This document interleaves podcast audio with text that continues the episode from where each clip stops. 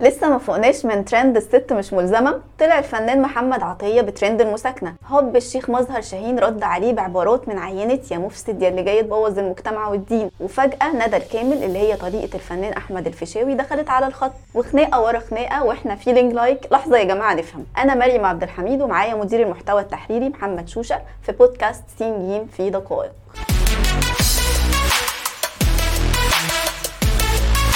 تطلع إيه المساكنة دي يا محمد؟ آه نوع من الشراكة المنزلية. اتنين هيتفقوا مع بعض ان إحنا هنعيش مع بعض بناء على نوع معين من الاتفاق على الحقوق والواجبات.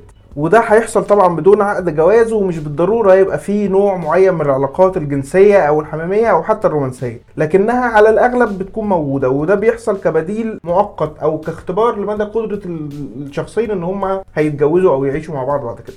طب وهل ده يجوز يعني؟ آه النهارده الموضوع معقد شوية وإن كان في مخرج شرعي يعني مش معروف على نطاق واسع. آه المخرج ده بيبيح المعيشة تحت سقف واحد لغير المتجوزين لو مفيش علاقة جنسية. لو رجعنا مثلا الفتاوى الفقهية لابن حجر الهيتمي اللي أجاز سكن المرأة مع غير محارمها في بيت واحد لو هيعيشوا في أوضتين أو في دور وهي في دور أو أوضة ملحقة بالبيت بشرط إن هو ما يتجمعوش في مرفق واحد زي المطبخ أو الحمام أو الحاجات المشابهة. لو آه وجدت علاقة جنسية بقى فدي حاجة تانية. الرجال الدين تقريبا مجمعين على عدم جوازه زي ما شفنا الجدل الكتير اللي حصل بعد تصريحات محمد عطية. لكن النهاردة بنقول ده مش عارفين إيه اللي ممكن يحصل بكرة. يعني إيه اللي ممكن يحصل بكرة؟ هو الشرع ممكن يتغير؟ يعني هو مش فكرة تغيير قد ما هو يمكن تكيف مع الواقع. الواقع المجتمعي حاليا بيخلق تيار جديد عكس التيار السيد وبيحتاج أحكام جديدة للتعامل معاه. لو ظن رجال الدين إن الموجة أعلى من قدرتهم على مقاومتها. رجال الدين النهاردة بيقولوا إن ده تشبه بالغرب الفاسق اللي واللي. طيب خلينا نروح نشوف التاريخ بيقول إيه عن ظهور زواج المساكنة نفسه في الغرب. الغرب كان تقليدية محافظ زي مجتمعاتنا وكان الدين بيلعب دور قوي هناك. بالتالي فضل جواز المساكنة نمط مستهجن هناك لحد تسعينيات القرن العشرين. آه لما بدأت الأجيال الجديدة تشوفوا حل عملي للمشكلات زي ارتفاع تكاليف الجواز والطلاق ونسب الانفصال الكبيرة نتيجة إن الزوجين بدأوا يكتشفوا متأخر إنهم مش مناسبين لبعض. كل ده حصل بالتزامن مع تراجع سطوة الدين طبعا. والنتيجة إن المؤسسات الدينية نفسها بدأت تتسامح مع النهج اللي كانت بتحرمه زمان بدرجة إن البابا فرانسيس نفسه جوز اتنين كانوا عايشين مع بعض بالمساكنة ومعاهم أطفال والاساقفه كمان ابتدوا يتسامحوا مع النوع ده من العلاقات. بس ده عندهم هناك يعني ما أعتقدش إن ده قابل إنه يتطبق هنا ولا أنت إيه رأيك؟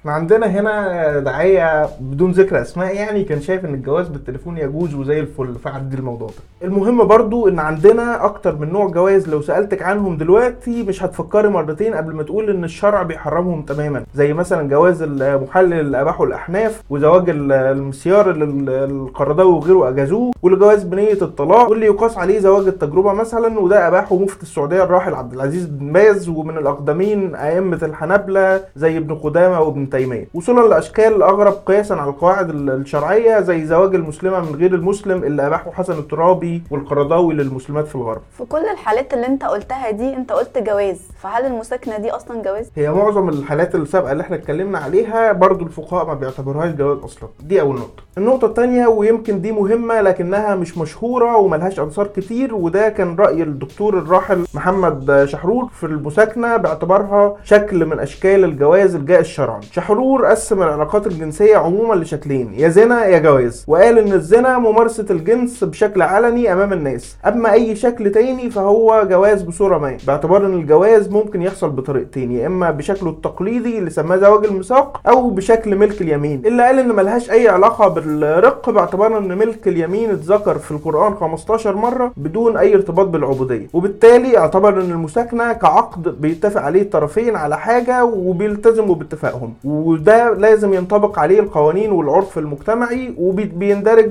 تحت ملك اليمين. وبالتالي بيكون حلال طالما عليه الاتفاق مجتمعي أو قاعدة قانونية.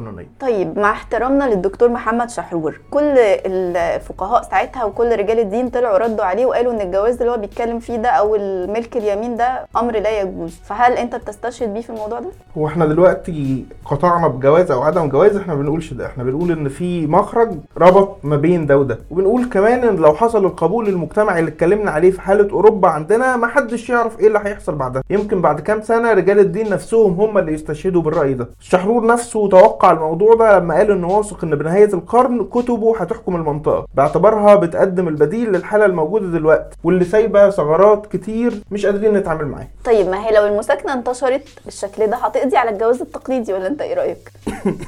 يعني يا ريت والله. أنا شخصيا ما أكرهش. آه أنتوا تكرهوا تمام. يعني القصة إن أنا وأنتي والمجتمع والناس عارفين الدنيا ماشية إزاي في في الموضوع ده. فهنخلي الطابق مستور. آه هنقول إن المساكنه هنا وكأنها بتطرح حل بديل أو تجربة جديدة لباب ممكن يقلل معدلات ال- الطلاق المتزايدة مثلا. آه غير كده كمان نجرب نبص على موضوع ال- المساكنه في الغرب. هل على الجواز التقليدي؟ ما حصلش. ده موجود وده موجود. وكل واحد بيختار الأنسب له حسب ما الطرفين يتفقوا. ده إحنا يعني اللي اخترعنا المثل بتاع كل شيء بالخناق الجواز بالاتفاق هتيجي على ارمط وتقف؟ طيب إحنا هنسيب ارمط في حاله عشان ننهي حلقتنا النهارده. كانت معاكم مريم عبد الحميد ومحمد شوشة في بودكاست سين جيم في دقائق.